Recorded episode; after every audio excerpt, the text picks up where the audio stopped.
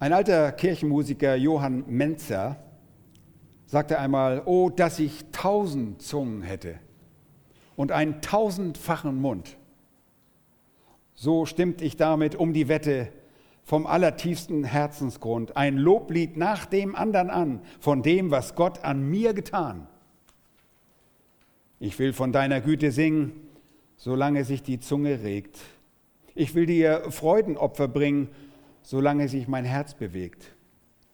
Ja, wenn der Mund wird kraftlos sein, so stimme ich doch mit Seufzen ein. Ach, nimm das arme Lob auf Erden, mein Gott in allen Gnaden hin. Im Himmel soll es besser werden. Wenn ich dort wie die Engel bin, da singe ich dir im höheren Chor viel tausend Halleluja vor. Ein wunderbares Dankeslied, Loblied aus der Geschichte der Kirchen, der Kirchengeschichte. Wir wollen dem Herrn auch danken. Lasst uns vor der Predigt dem Herrn auch um seine Hilfe bitten. Herr, wir sind dir von Herzen dankbar für all die Wahrheiten, die wir schon durch die Lieder im Programm erfahren durften, für all diese Wahrheiten. Herr, es geht wirklich um dich und wir danken dir für am allermeisten einfach dafür, dass du uns hier sein lässt als deine Kinder. Wenn wir deine Kinder sind, dann nur aufgrund der großen Gnade, die uns widerfahren ist. Du hast uns zu neuen Menschen gemacht. Das Alte ist vergangen, Neues ist geworden. Danke dafür, dass wir auch eines Tages eine endgültige Erlösung erfahren werden. Und schon jetzt wollen wir dir danken, dich loben, dich preisen für all deine große Güte, weil wir verstehen, dass alles unter deiner Kontrolle ist und du derjenige bist, der die Geschichte dieser Welt in seiner Hand hält. Nichts ist dir jemals entglitten. Alles ist genau nach deinem Plan. Das gibt uns Zuversicht, das macht uns ruhig und das lässt uns danken. So befehlen wir dir diesen Gottesdienst an. Mögest du reden durch dein Wort und segnen sodass wir auch unsere Ohren in deinen Dienst stellen, dass wir hören, wie wahre Jünger hören, um zu tun, was dir wohlgefällig ist. Das beten wir in Jesu Namen. Amen. Nun, wir kehren zum Thema der Dankbarkeit zurück, dauerhafte Dankbarkeit Teil 2. Wir tun das unter der Leitung des Wortes Gottes das uns dazu auffordert, in allem dankbar zu sein. Und wir tun das natürlich auch unter der Leitung des Heiligen Geistes, der uns dazu befähigt, in allem dankbar zu sein. Und wenn ihr die erste Predigt nicht gehört habt, hört ihr sie euch einfach nochmal nach an. In 1. Thessalonicher 5, Vers 18 äh, finden wir eben gerade diesen Ausgangspunkt dieser Wahrheit zur Dankbarkeit. Seid in allem dankbar denn das ist der Wille Gottes in Christus Jesus für euch. Und die Dankbarkeit und ihre begleitenden Geschwister, wie sagte ich, eineiige Drillinge, äh, wenn ihr so wollt, zusammen mit der Freude und dem Gebet aus den Versen 16 und 17 sind der Wille Gottes für dich als Kind Gottes. Der Wille Gottes ist für Christen, für solche Menschen, die in Christus Jesus sind. Und das sagt der, sagt der Text und der Text betont dabei unsere Verbundenheit mit Christus Jesus, unserem Herrn. In Christus zu sein spricht davon, dass du ein Teil seines geistlichen Leibes geworden bist. Es ist von daher angemessen, ihm zu danken, ihm gegenüber in allem unsere Wertschätzung für die Dinge des Lebens zu bekunden. Nun, wir haben am letzten Sonntag darüber gesprochen. Dankbarkeit ist charakteristisch für das Kind Gottes. Sie gehört zum Kind Gottes denn das Kind Gottes weiß, dass was im Leben neu geworden ist, das ist aufgrund der Gnade Gottes in Christus Jesus und durch Jesus Christus geschehen. Und deshalb bringen wir dem Herrn unseren Dank. Nun heute geht es aber darum, dass wir die uns noch anhaftende Undankbarkeit überwinden. Wir sind als Gläubige zwar nicht wesensmäßig undankbar, der Ungläubige kann nicht Gott danken, das ist unmöglich. Er ist wesensmäßig undankbar. Wir sind es nicht, aber wir können als Kinder Gottes uns manchmal verhalten wie ein Gottloser. Wir müssen den Weg einschlagen, den Gott uns vorgeschrieben hat, wie wir auch gerade gesungen haben. Und deshalb gebe ich euch eine kleine Liste mit den Dingen, die die Quelle im Innersten eures Herzens äh, verderben und somit die Freude und das Gebet und die Dankbarkeit beeinträchtigen. Und wenn ich diese Dinge bringe, dann spreche ich von Hindernissen. Das sind die Hindernisse, die uns an einer ständigen, dauerhaften Dankbarkeit Mühe machen und immer wieder dafür sorgen, dass wir eben nicht dankbar sind. Und hier kommt diese kleine Liste von Hindernissen. Und das erste, die erste Ursache dafür, dass wir nicht immer dankbar sind, sind Zweifel. Ganz recht, Zweifel. Und dabei spreche ich von dem Zweifel an Gott, Zweifel am Wesen Gottes. Und dabei seid ihr nicht sicher, dass ihr euch auf Gottes Wort verlassen könnt. Oh, das, wir sagen das immer, wir singen das immer, aber wir tun das nicht immer.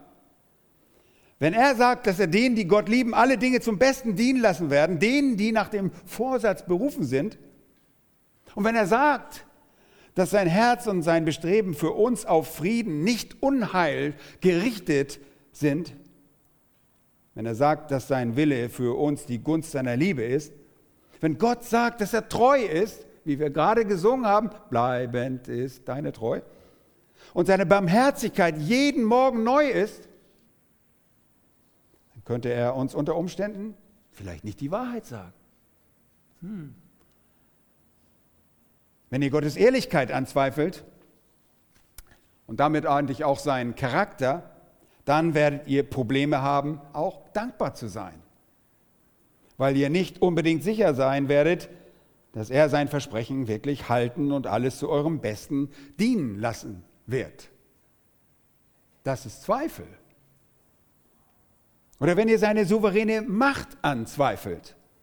Vielleicht denkt ihr, dass Gott es zwar ganz gut mit mir meint, aber leider kann er seine Macht in meinem Fall nicht anwenden seinem Wort und seinen guten Absichten kann man ja durchaus vertrauen. Er hat aber offenbar nicht die nötige Macht, meinen speziellen Fall irgendwie zu lösen. Da, da hat er Schwierigkeiten. Wisst ihr, was es ist? Nichts anderes als Zweifel.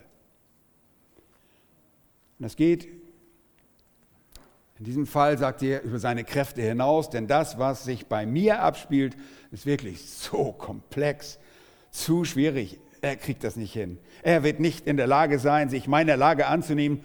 Das Problem kann er nicht bewerkstelligen.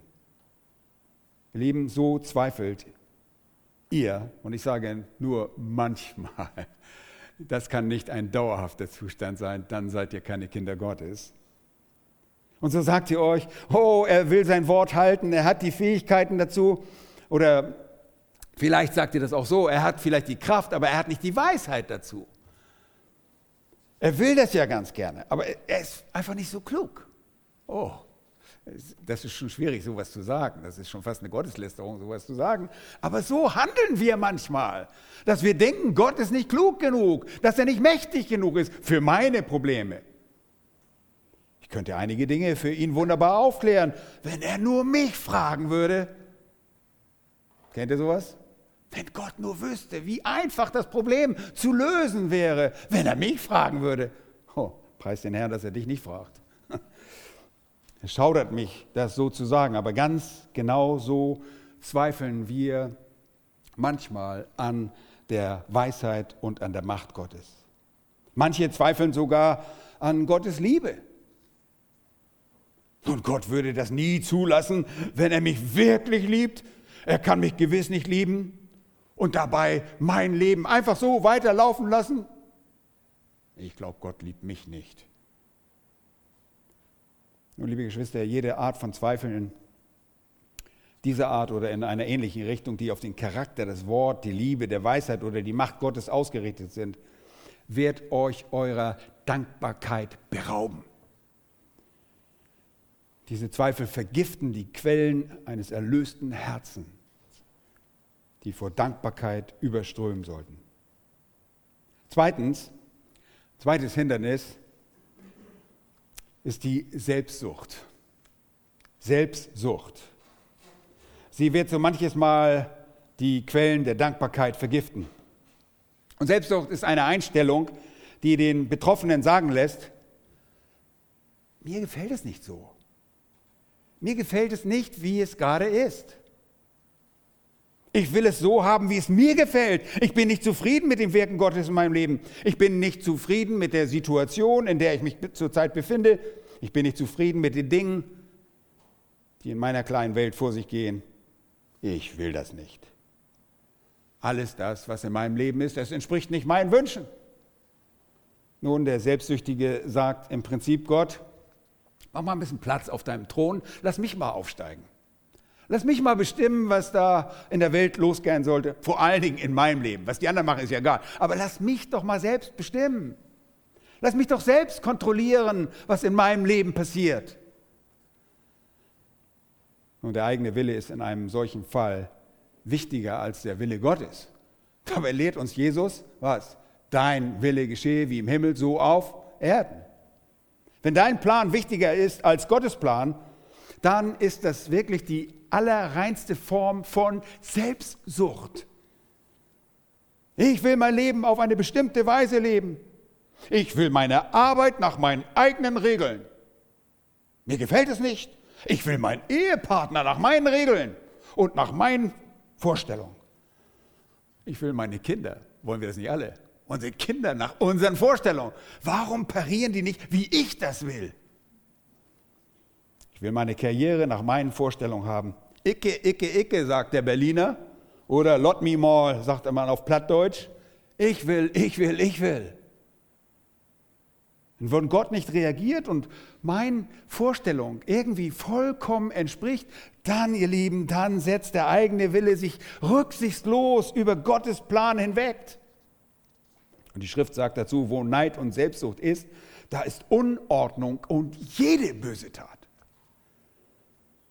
Und das Ergebnis davon ist dann natürlich auch ein undankbarer, ein sündiger Geist, der durch Zweifel und Selbstsucht genährt wurde. Nun, neben dem Zweifel und dieser Selbstsucht möchte ich ein drittes Hindernis erwähnen. Ein undankbares Herz ist Weltlichkeit. Weltlichkeit. Weltlichkeit ist die Liebe zur Welt. Oh, habe ich ja schon lange hinter mir gelassen, oder? Oh. Leute, bleiben wir mal auf den Teppich. Wir haben immer noch ein ganzes Maß an Weltlichkeit. Hin und wieder kommt diese Weltlichkeit in uns hoch. Und das ist jemand, eine ausgeprägte Weltlichkeit ist jemand, der den Kopf voller banaler Dinge hat. Jemand, dessen Anliegen von Genuss, Berühmtheit, Beliebtheit, Prestige, von Menschen und Orten, von Besitztümern und Bestrebungen geprägt sind. Und ihr könnt zufügen, was immer ihr wollt. Jemand, dessen Blick von, der, von den Belanglosigkeiten der Welt gefangen ist, den vergänglichen Dingen, ihr Lieben, der ist auch nicht dankbar Gott gegenüber. Das tötet die Dankbarkeit. Und all diese Dinge verzehren diese Menschen so sehr, dass sie niemals dankbar sein werden, wenn nicht alles so läuft, wie sie sich das vorstellen. Diese Menschen hatten eine Beziehung zu einer bestimmten Person im Augen, eine bestimmte Handlung ihrer Lust. Und ihr erinnert euch, in 1. Johannes heißt es, die Lust der Augen, die Lust des Fleisches, die immer wieder durchkommt und durch die ein gottloser Mensch geprägt ist. Ihr hattet vielleicht eine Leistung oder eine Erfahrung, einen Ort, in dem ihr sein wolltet oder eine bestimmte Sache, die ihr haben wolltet vor Augen. Und ihr verfolgt, habt ein bestimmtes Ziel verfolgt, habt ein bestimmtes Prestige erreichen wollen, eine bestimmte Beliebtheit. Aber all das hat in eurem Leben nicht geklappt. Und weil diese Dinge nicht so geklappt haben, ist ihr Leben oder euer Leben in, in euren eigenen Augen nur einfach mies es ist vergeudet. Und ihr Lieben, Wir alle kennen solche Menschen und vielleicht solche Dinge aus dem eigenen Leben. Das sind Menschen, die sich geistlich zurückgezogen haben, weil sie an irgendeiner Stelle nicht das bekommen haben, was sie wollten. Und sie werden so, wenn sie darin verharren, den Rest ihres Lebens undankbar bleiben. Und ihr Lieben, solche Menschen sehen einfach den Segen Gottes nicht, weil sie überhaupt nicht darauf achten. Wenn ihr aber sagt, Herr, sei du, sei du allein mein Lebensinhalt und das auch wirklich meint. Ich meine, das können wir alle singen, ne? das Höchste meines Lebens und so weiter. Das können wir alles ganz schön singen. Aber wenn wir das wirklich so meinen, du bist es, den ich sehe, du bist es, den ich will, du bist es, nach dem ich mich sehne, wenn ihr in dieser Haltung euren Blick, und zwar dauerhaft, auf Jesus richtet, werdet ihr erleben, wie Gott in eurem Leben Segen bringen wird. Und ihr werdet dadurch dankbare Menschen. Aber wenn euer Blick auf die materielle Welt ausgerichtet ist, dann habt ihr all das verpasst. Und es ist irgendwie kein Anlass zur Dankbarkeit. Mein Leben ist fast vorbei und ich, alles weg. Alles, worauf ihr eure Hoffnung gesetzt habt, verläuft nicht so, wie ihr es euch wünscht. Und das wird euch zur Undankbarkeit veranlassen. Weltlichkeit, ihr Lieben, ist ein großes, großes Problem. Leider bis in die Gemeinde Gottes hinein. Aber hier ist ein viertes Hindernis zur Gott wohlgefälligen Dankbarkeit und das ist Kritik. Kritik. Verbitterte Menschen besitzen eine überaus kritische Einstellung. Und dabei sind sie nicht nur Pessimisten, sondern sie leben mit einer mürrischen Einstellung im Leben. Sie sind Nörgler, die sich weder freuen noch Gott beständig im Gebet suchen und deshalb ihm schon gar nicht danken.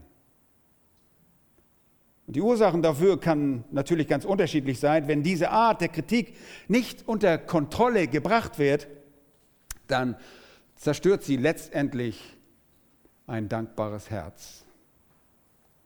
Eine kritische Einstellung wird euer gesamtes Verständnis benebeln. Sie hat eure Sichtweise dann bereits vernebelt, wenn ihr kritisch seid. Sie wird euch für Gott nutzlos machen und euch für jeden um euch herum einfach nur zur Nervensäge und zum Ärgernis machen. Und mit solchen Menschen ist es wirklich schwer zu leben, besonders in einer Ehe. Ein anhaltendes, unbekanntes, kritisches Wesen, ein also unbußfertiges, kritisches Wesen, wenn man da sich nicht von abgewendet hat, wird schließlich eure Geistlichkeit und eure Liebe völlig auslöschen. Und das ist genau dieses übertriebene Beurteilen von allem, das Bedürfnis, alles kritisieren zu müssen, was nicht genau so ist, wie es sein sollte oder wie man es selbst haben möchte. Ein kritisches Wesen verbittert einen Menschen. Es macht ihn pessimistisch und undankbar. Und was ist die Ursache? Nur das kritische Denken lässt sich auf den überaus hässlichen Hochmut, und das ist Stolz, zurückführen. Und das spricht von einer übergroßen Selbstsucht. Wir hatten schon Selbstsucht, aber dies ist die ausgeprägteste Form der Selbstsucht.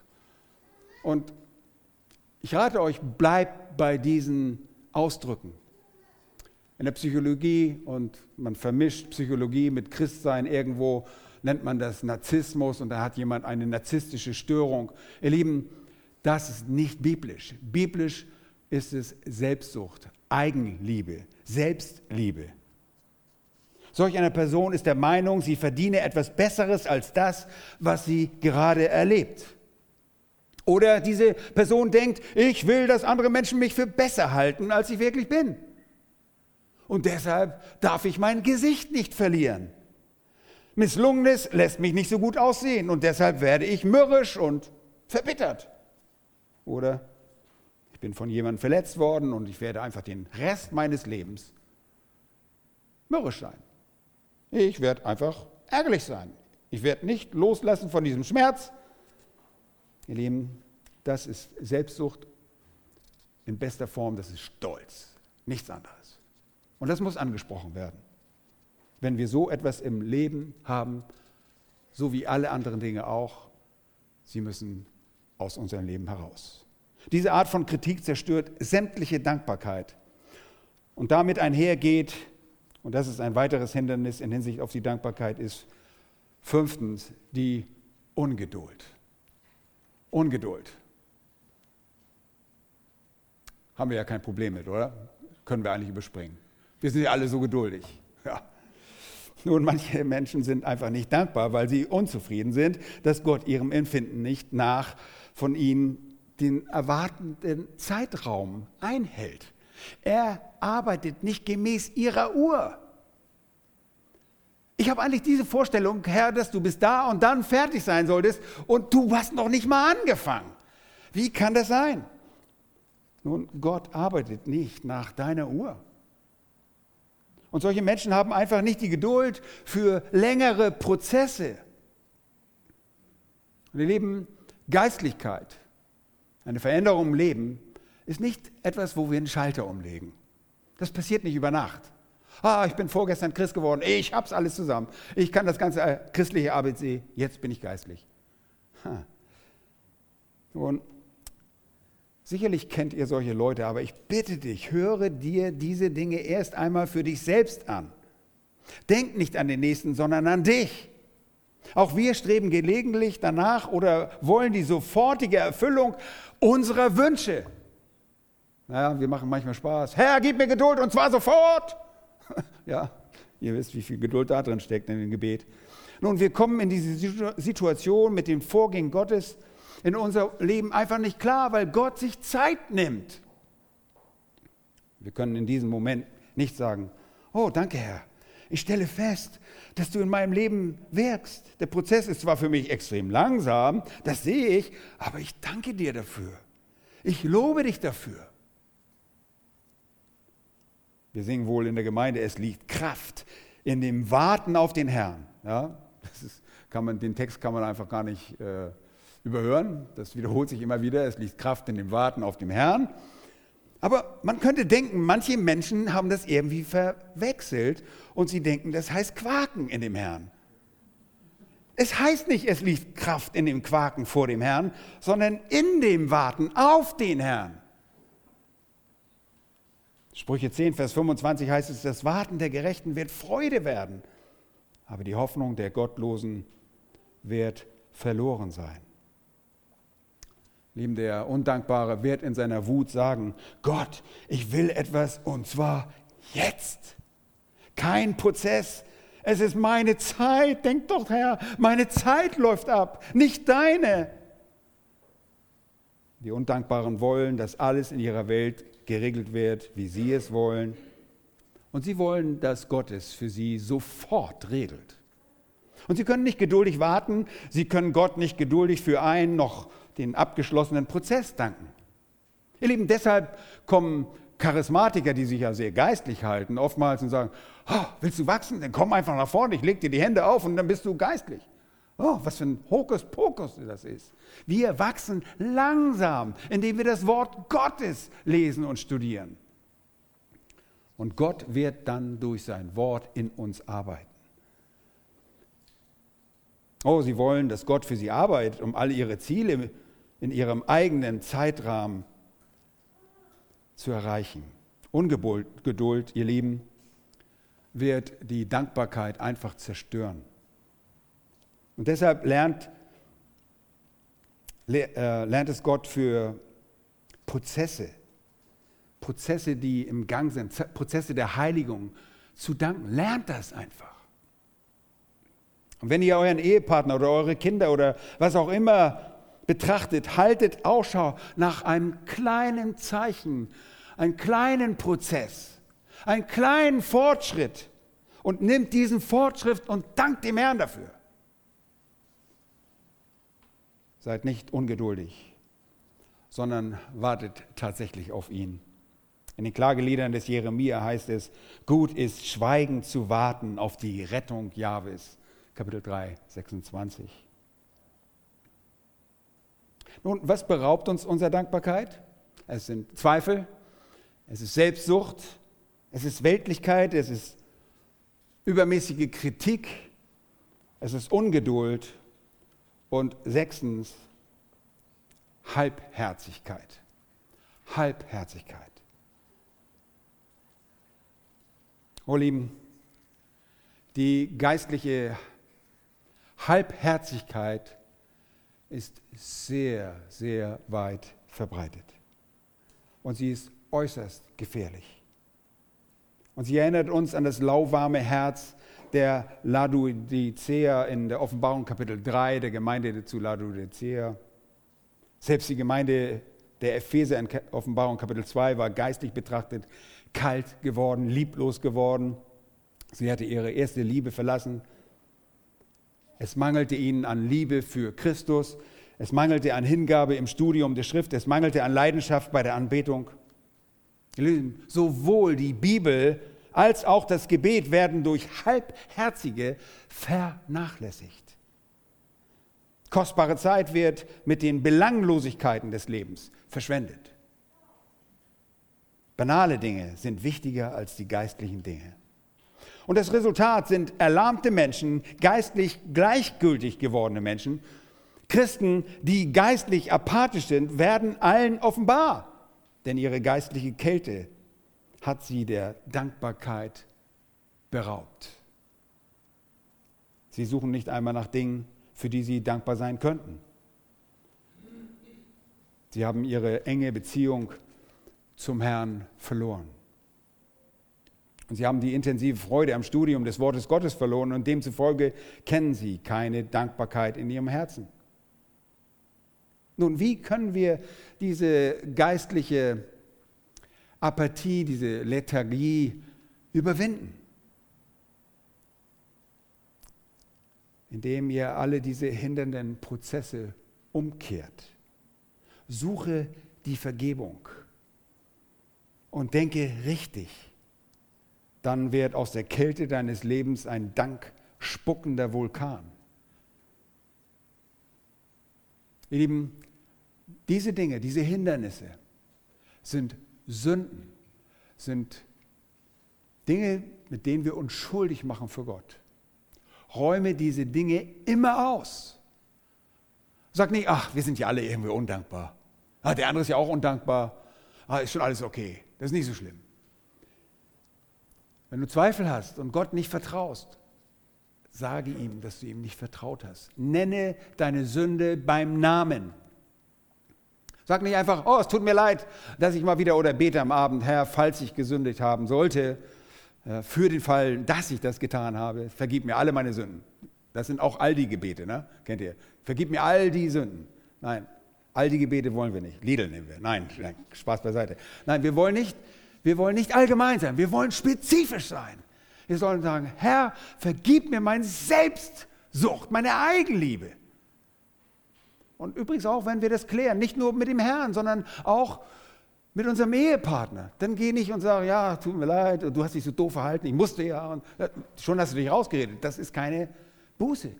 Buße ist, wenn du gehst und sagst, mein Schatz, ich hatte mein Messer wieder zuerst im Stück Fleisch. Ich fand, ich bin sündig vor dir. Das ist meine Selbstsucht dann ist Schluss, Punkt. Kein Aber oder, naja, du hast ja letztes Mal das große Stück Fleisch gehabt, ne? oder was auch immer. Suche die Vergebung. Und dann denke richtig. Und fang an, das zu tun, was du zu Beginn deines Christseins getan hast. Und dann wärst du, wie ich sagte, war offenbar gerade in Island, als der Vulkan ausbruch, ein dankspuckender Vulkan. Da sprudelt das immer nur so raus. Pff, ständig Dank.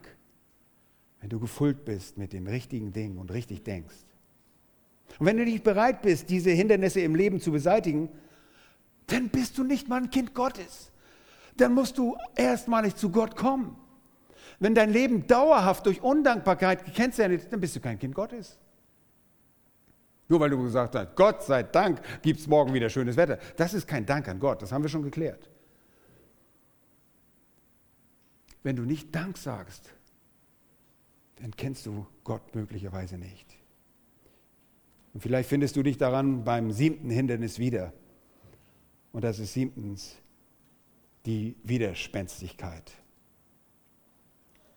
Und damit meine ich einfach regelrechten, unverblümten, kompromisslosen Widerstand. Siebtens ist die Widerspenstigkeit. Und wenn du sagst, ich bin nicht dankbar, weil ich wütend auf Gott bin, ich bin nicht dankbar, weil ich, es mir missfällt, was er in meinem Leben tut, ich bin zornig und dankbar und undankbar vielmehr und ich weiß, dass ich undankbar bin und ich werde undankbar bleiben, dann ist es nichts anderes als Widerspenstigkeit. Das ist eine Rebellion gegen Gott.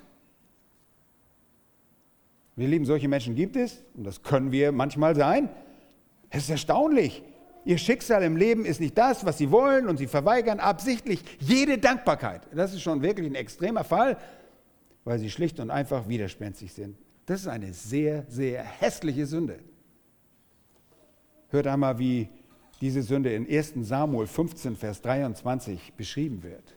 Da heißt es in diesem Vers, Ungehorsam ist wie die Sünde der Wahrsagerei. Also wenn ihr ungehorsam seid, das ist wie Wahrsagerei. Und widerspenstig ist Abgötterei und Götzendienst. Oh, wow. Ufu. Mein Pastor hat gesagt, ich, ich betreibe Götzendienst. Ich bin äh, ein Abgötter. Ich betreibe Abgötterei. Wow. Genau das ist es.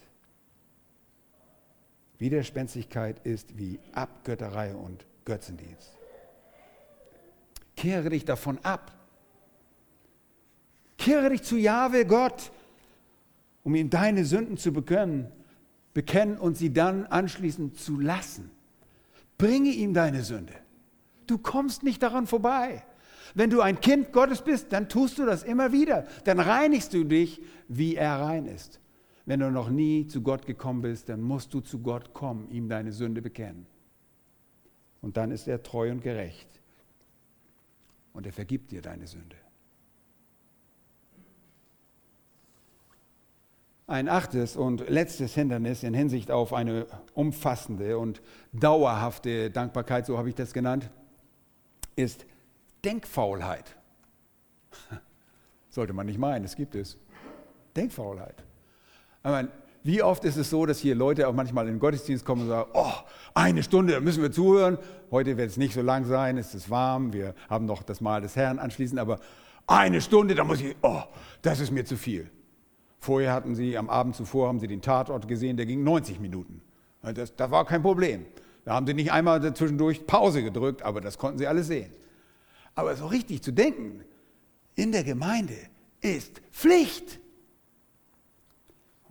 Und Denkfaulheit ist leider sehr weit verbreitet in unserer Gesellschaft.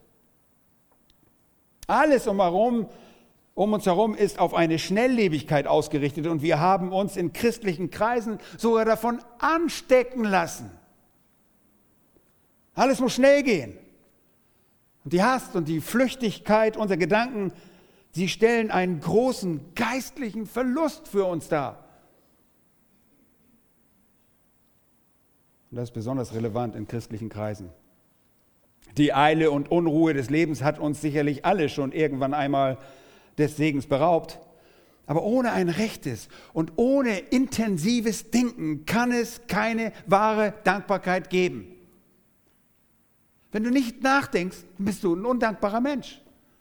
Oh, Jesus ist für mich gestorben. Oh, ich gehe wieder nach Hause. Jesus ist für mich gestorben. Oh, okay, alles klar. Du musst darüber nachdenken. Ohne ein rechtes, ich sage es nochmal, und intensives Denken und Nachsinnen, Meditieren gibt es keine wahre Dankbarkeit. Wir müssen begreifen, was für Privilegien wir im Leben als Kinder Gottes besitzen. Und dafür muss man denken. Und mit Nachsinnen und Meditieren meine ich nicht transzendentale Meditation, irgendwo so einen mystischen östlichen Kram, sondern da meine ich das Wort Gottes als Gegenstand unserer Meditation zu nehmen. Darüber nachzudenken, wie Gott ist und was Gott in seinem Wort sagt. Alles, allem voraus musst du über Jesus denken. Worüber? Wir denken über das Wort,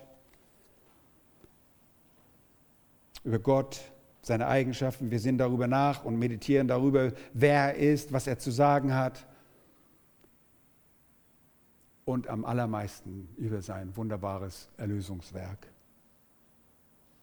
Erst wenn du dich richtig über die Liebe des Herrn Jesus Christus nicht nur informierst, sondern darüber nachdenkst, wirst du dankbar und Ihr Lieben, Nörgelei, Murren und hässliche Undankbarkeit werden aus deinem Leben fliehen. Sie fliehen, wenn du richtig denkst. Und ich weiß, der Finger geht immer wieder auf uns zurück. Wir denken oft nicht tief genug. Wir denken zu oberflächlich. Besonders diese Verse am Ende von 1. Thessalonicher 5 sind für mich eigentlich ein Aufruf zum intensiven Denken. Denk mal nach. Da werden wir befohlen, da wird uns befohlen, freudig zu sein. Oh, okay, ich bin der Stewardess jetzt oder so eine Reiseflugbegleiterin. Ich setze so ein Grinsen auf und nein, das kommt, unsere Freude kommt durch das Denken über die Wahrheiten im Wort Gottes. Wir können nur mit Gott beten, wenn wir darüber nachdenken, wer er ist und was sein Wille ist. Sonst wirst du nur selbstsüchtig beten. Gib mir dies her, gib mir das, ich will jenes haben und mach das jetzt sofort. Ich will sofort meine Geschenke haben, die du für mich bereit hast, diesen Segen. Nein. Wir müssen das Wort Gottes kennen, wir müssen es studieren, darüber nachdenken.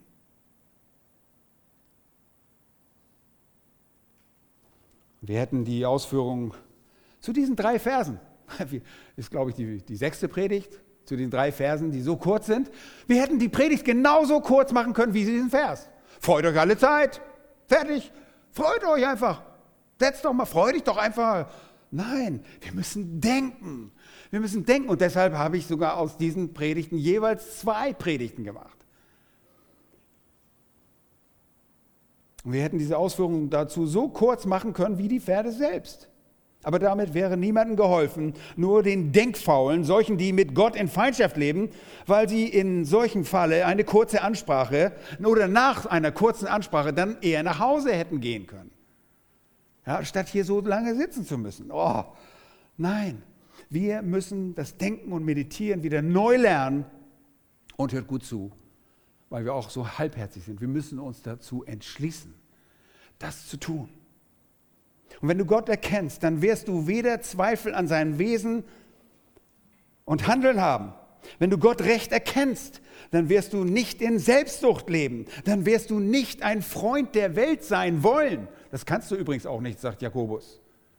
Wer ein Freund der Welt sein will, der ist ein Feind Gottes. Übermäßige Kritik und Ungeduld werden dich verlassen. Du denkst, wo sind denn die geblieben? Die sind weg, weil du dich mit dem Wort Gottes beschäftigst. Gott heiligt dich durch sein Wort. Halbherzigkeit und Widerspenstigkeit werden Fremdworte für dich sein, wenn du Gott innig kennst. Und es wird für dich nichts Schöneres im Leben geben, als sich mit Gottes Wort zu beschäftigen, um über Gott selbst nachzudenken. Und du wirst niemals auf die Idee kommen, wie öde das Leben noch ist. Solange du deine Bibel hast, da können sie dich in den Knast einstellen, äh, in den Knast setzen. Und dann sagst du, geben Sie mir doch eine Bibel. Ich brauche eigentlich nicht hier viel. Ich brauche nur die Bibel. Und dann wirst du glücklich im Gefängnis sitzen. Und wir wollen nichts heraufbeschwören. Aber das ist alles, was wir brauchen.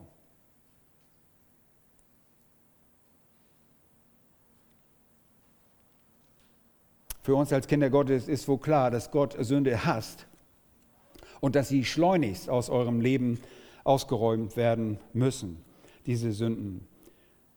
Bekennt jede Sünde. Korrigiert eure geistliche Schieflage und beginnt damit, in allem dankbar zu sein.